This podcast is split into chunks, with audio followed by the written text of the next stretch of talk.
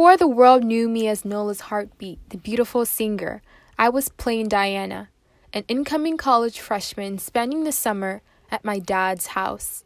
My days were spent reading romance books, watching rom coms, and listening to my favorite singer at that time, Oscar Steele. Life was simple, boring, but simple. The spice of my life was my lovely best friend, Angelique. We met in high school. She was a year ahead of me. A lot of people assumed we were sisters because of the close bond we had.